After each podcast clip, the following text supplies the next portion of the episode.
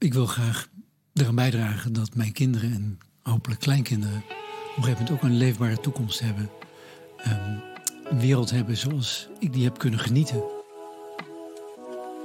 Een fossielvrije toekomst, dat is nogal wat, maar we zijn op de goede weg door samen allemaal kleine stappen te zetten in de goede richting. Samen maak je meer impact dan je denkt. Mijn naam is Joris Putman en in de Go Greeners podcast spreek ik met echte aanpakkers. Ondernemers die een klein idee hebben omgezet naar een duurzaam en innovatief product. Ik probeer erachter te komen wat ze drijft en wat de daadwerkelijke impact is. Deze aflevering spreek ik met Maurits Groen, oprichter van Wakka Wakka, een sociale onderneming die draagbare solarproducten ontwikkelt, en Boudewijn Cheertes. Hij vertelt over de samenwerking van Vattenval met Green Battery.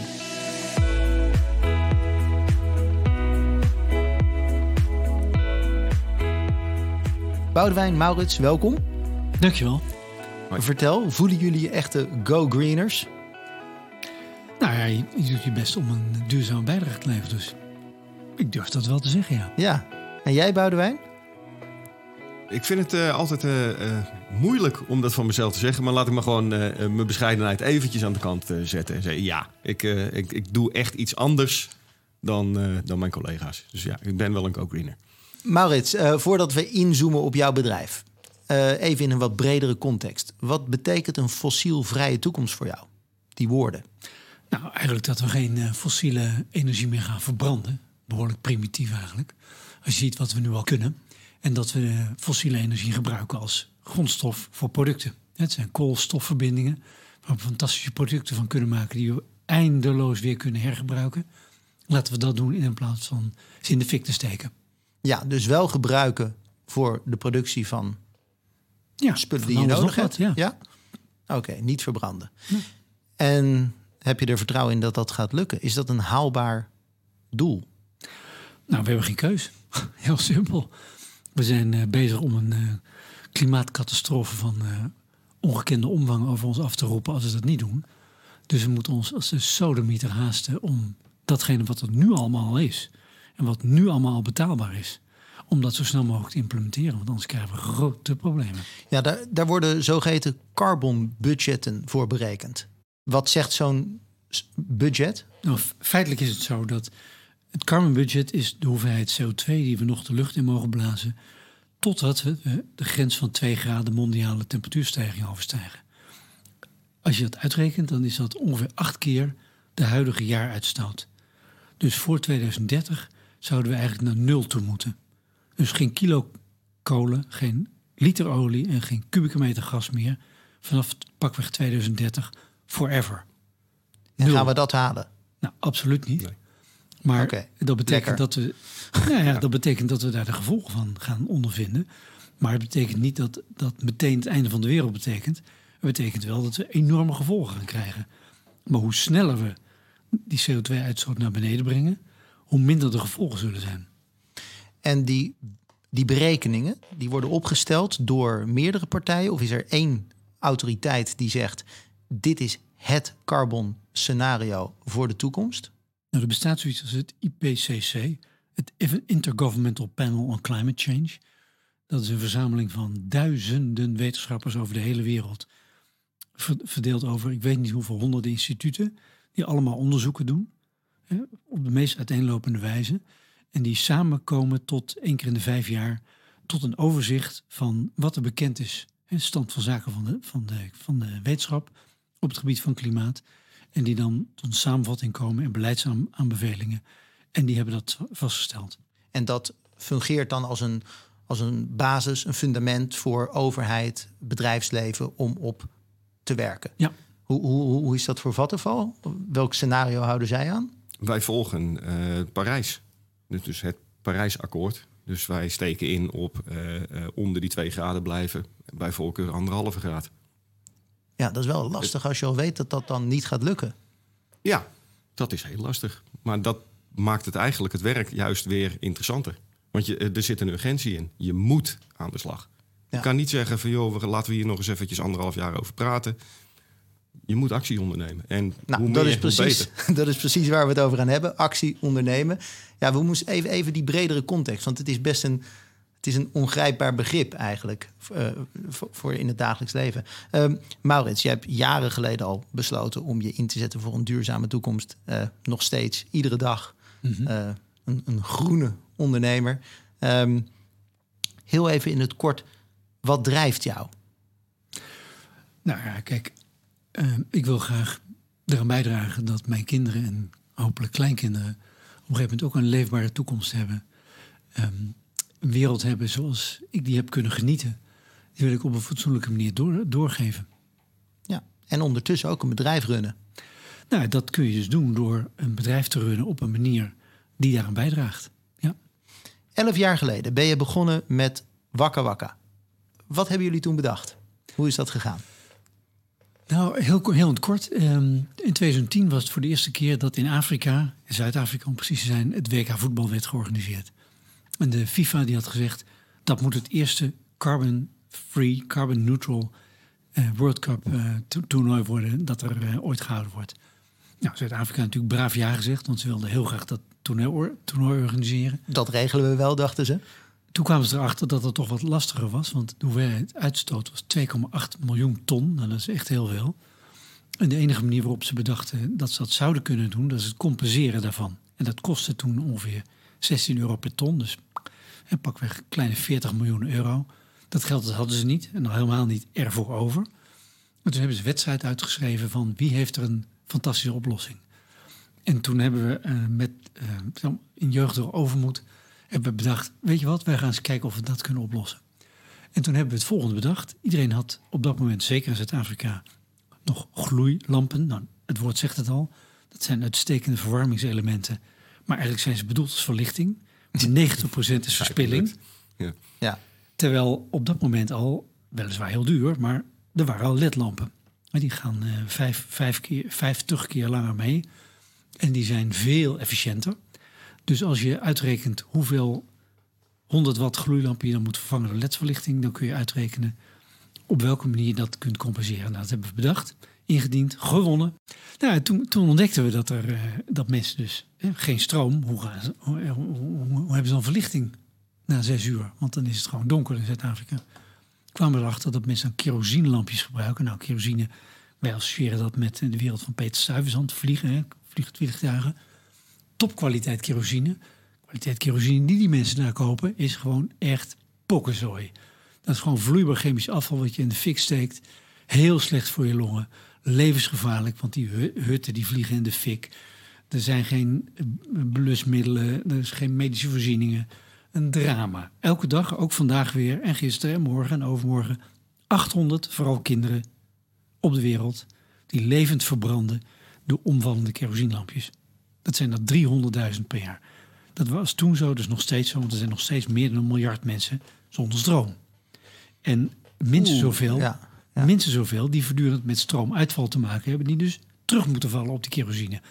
Rotzooi. We dachten, hoe kan het nou in Zuid-Afrika? Dan moet je echt.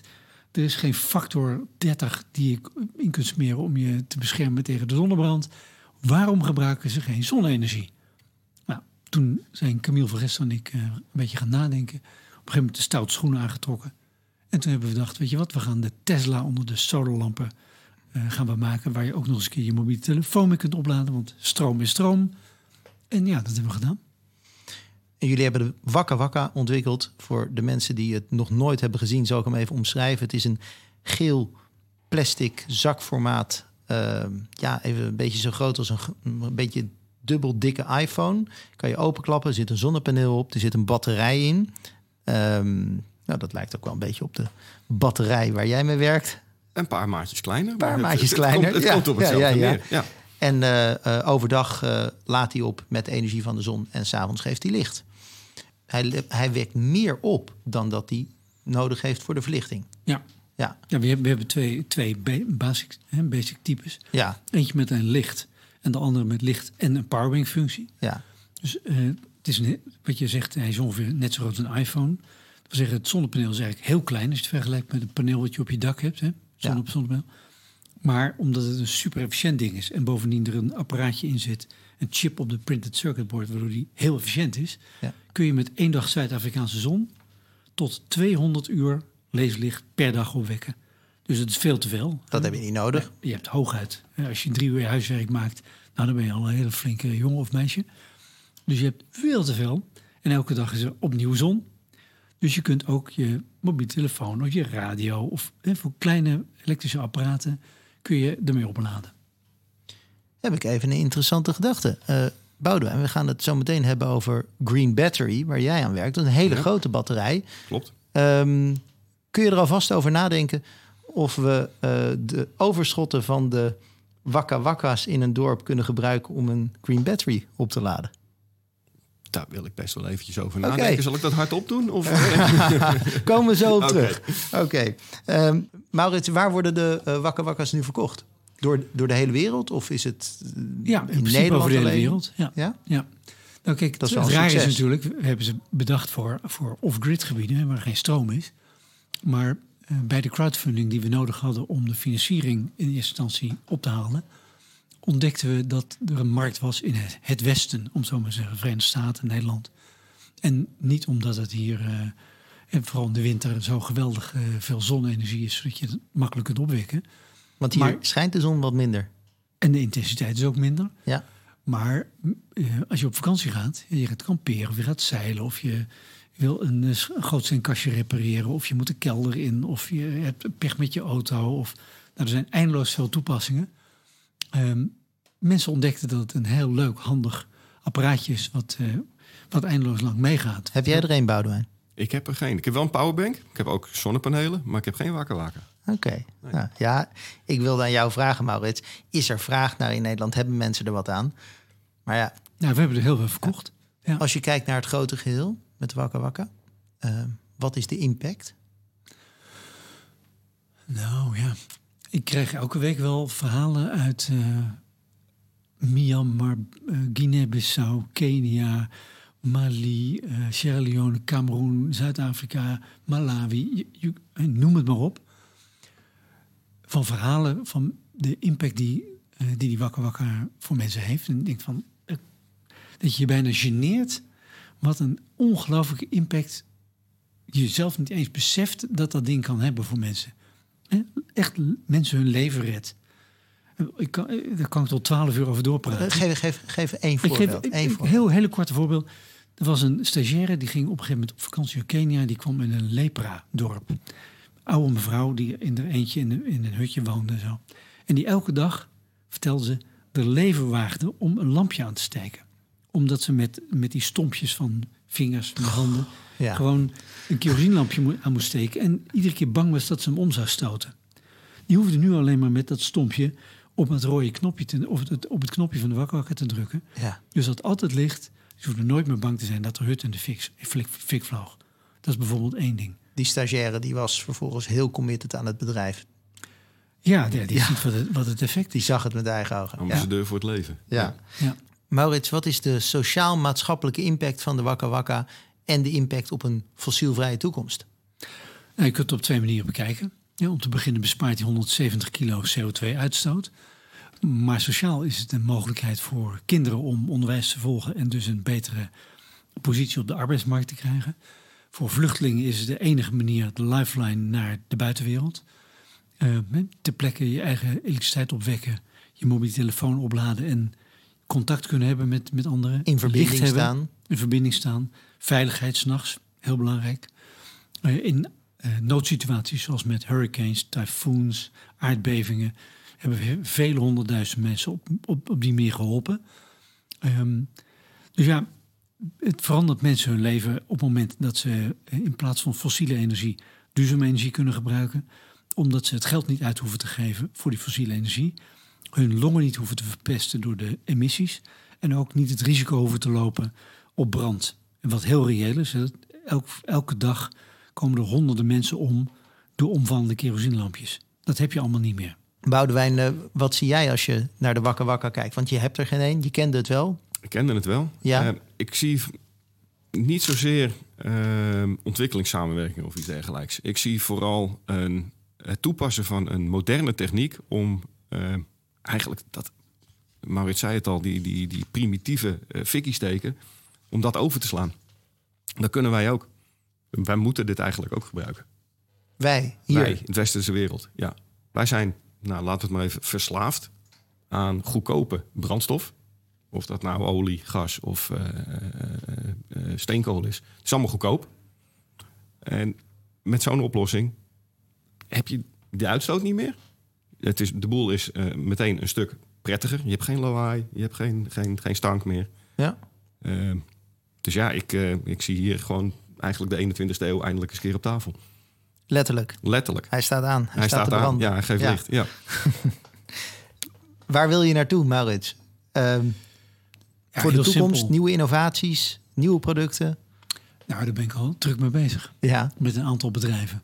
Kijk, dit, dit loopt. Hè. Toen moet nog steeds. Uh, we zijn nog niet bij die miljard mensen, laat staan 2,5 miljard. Nee, want toen je dat net zei, dacht ik even: oh jee, dat was toen zo en dat is nu nog steeds zo. Ja. Nou, de wereldbevolking groeit en uh, er zijn nog steeds veel mensen die uh, off-grid wonen. Ja, daar komen ook. Of die zich niet, niet kunnen permitteren om iets goeds aan te schaffen.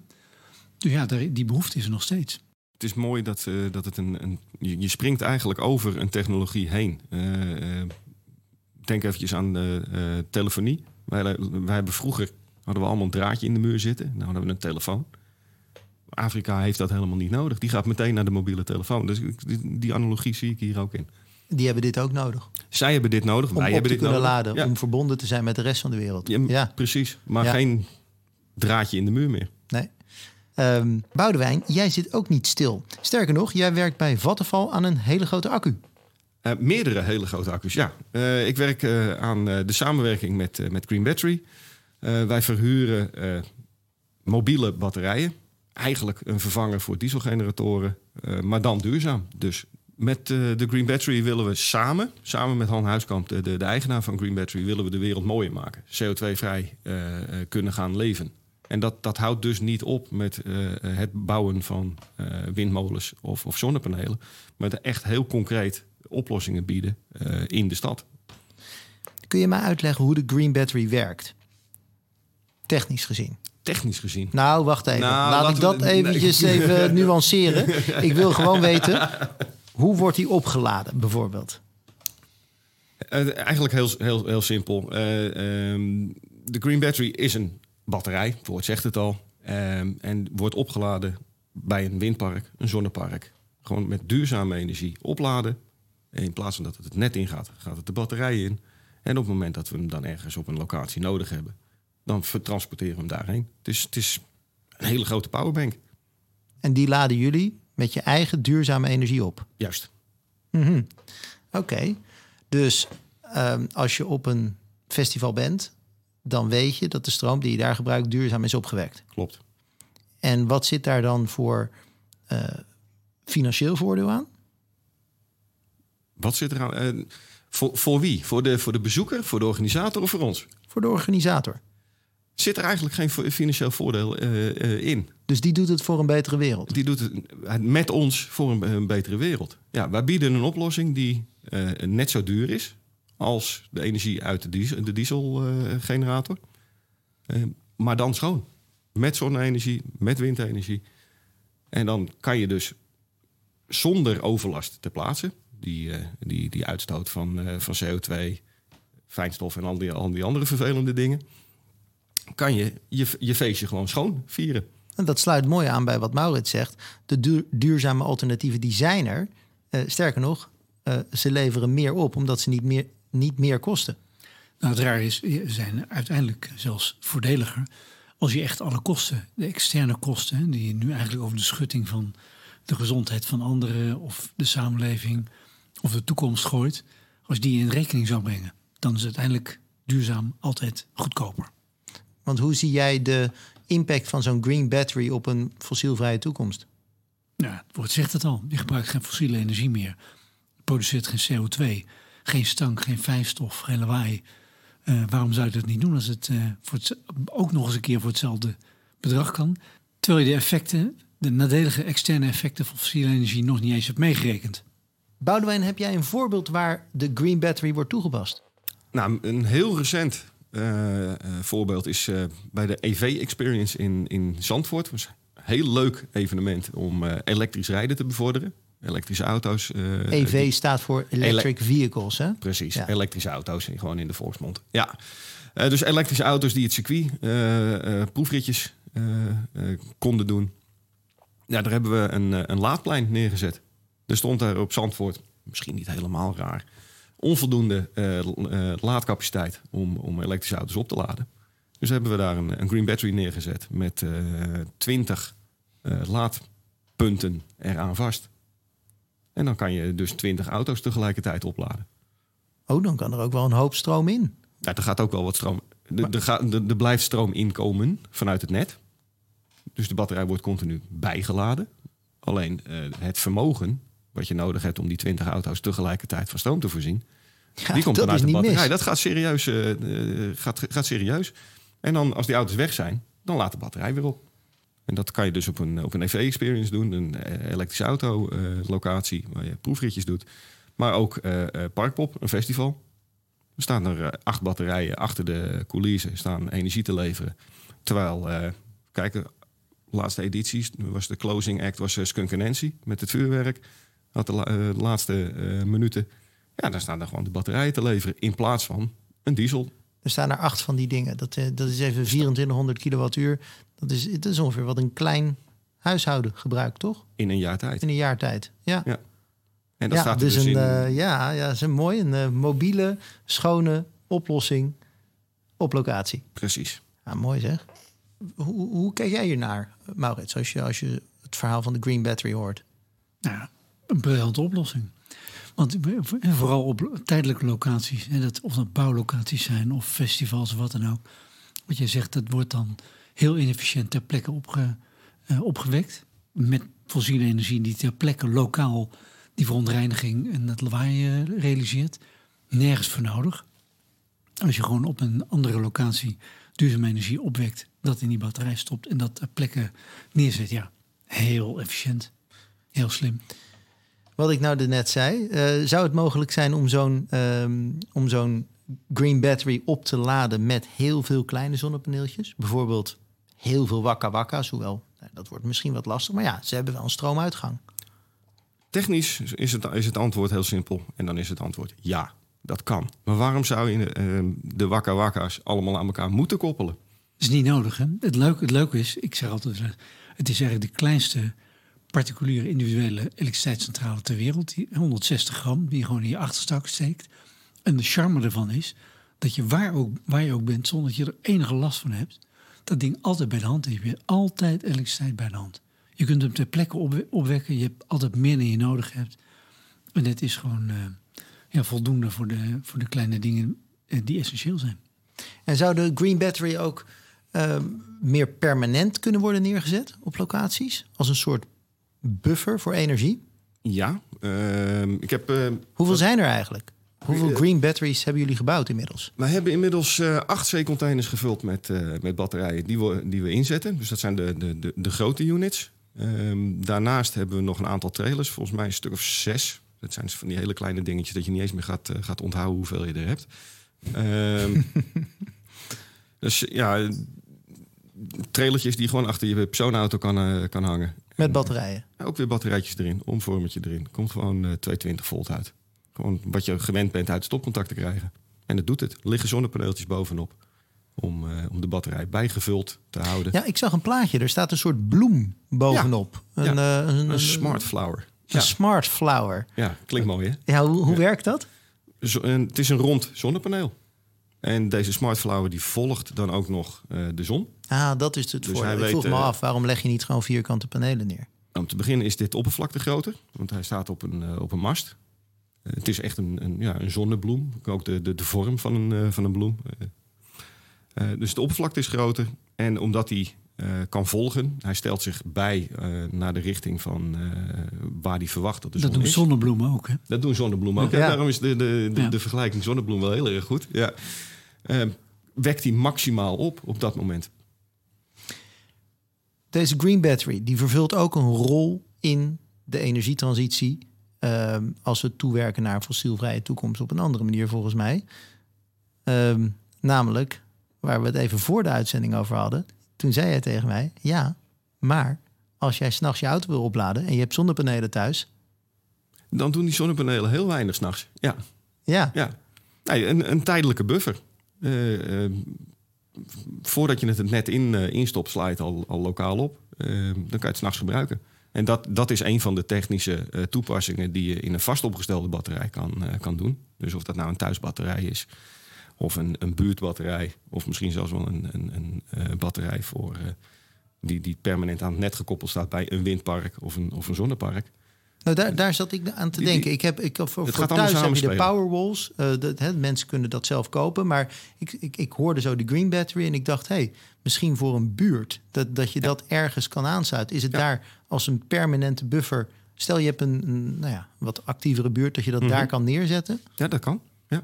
Het ontlast het net ook. Hè? Het ontlast het net. Dat is op het Ja. ogenblik een van de grote problemen. Want je moet de netverzwaring vanwege het feit dat juist op afgelegen ge- lege gebieden waar, waar het net nu niet zo sterk is, en je veel energie opwekt. Als je die energie ter plekke kunt gebruiken doordat je hem daar Ja. opslaat en niet allemaal door het net hoeft te jagen en weer terug hoeft te halen, dan heb je ook een enorm kostenvoordeel. Een paar stapjes in de toekomst. Waar, waar werken jullie dan naartoe? Ja, eh, zoals. eh, eh, nee, dat is flauw. Eh, we gaan niet de, de, de wereld veroveren. Nee, we, wer- we, werken, er, we werken eraan om, eh, om dit groter te maken. Zodat we die diesels Nederland uit, uitkrijgen. We hebben tussen de 10 en de 20.000 dieselgeneratoren in Nederland staan. Die allemaal super inefficiënt ongelooflijke hoeveelheden diesel staan te verstoken. Met bijbehorende rookwolken, stank, geluid, noem ze allemaal maar op. Als je daar eh, verschil kan maken, als je dat kan vervangen, dan komen we weer bij die 2 graden. Dat budget, we we zelf gekozen hebben. Het is een politieke keuze 2 graden te accepteren. Ja. Eh, dan komen we er ietsje dichterbij in de buurt. Ietsje dichterbij. Nou, mooi. Mooi. Jullie werken alle twee eigenlijk aan het terugdringen van uitstoot. Echt fysieke uitstoot op locatie. En eh, twee prachtige initiatieven. Dank jullie wel voor jullie inspirerende verhalen. Graag gedaan. Ja. Eh, ja, dit was hem alweer. Dit was de eerste aflevering van de Go Greeners podcast. Ben je nou benieuwd naar meer verhalen van Go Greeners die impact willen maken voor een fossielvrije toekomst? Kijk dan op vattenval.nl slash impact. Tot de volgende.